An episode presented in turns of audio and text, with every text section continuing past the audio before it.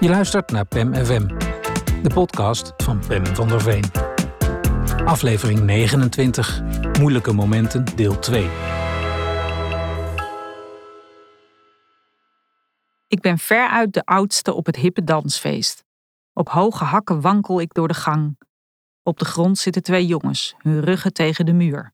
De een draait een joint, de ander probeert een ecstasypil doormidden te breken. Als ik hem passeer, glij ik bijna uit over een plas bier. Pas op hoor, mevrouw, zegt de jongen met de pil. Als u valt, zet ik het op YouTube. Om het patroon van ruzies met mijn puberzoon te doorbreken, doe ik een online cursus positief opvoeden. Niet straffen, maar belonen is het idee. Want zo slecht als het puberbrein reageert op sancties, zo goed gedijt het op schouderklopjes.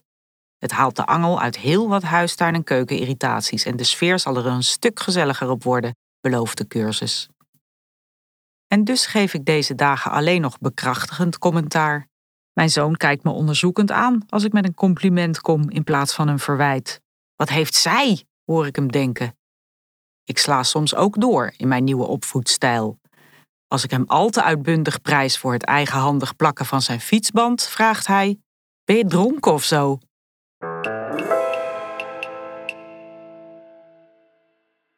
Het zaaltje heerst aandachtige stilte. Voor het publiek zitten twee vrouwen op hoge krukken. De ene vertelt over haar scheiding, de conflicten met haar ex, haar verdriet en frustratie. Ze huilt. De andere luistert, geeft antwoorden en goede raad.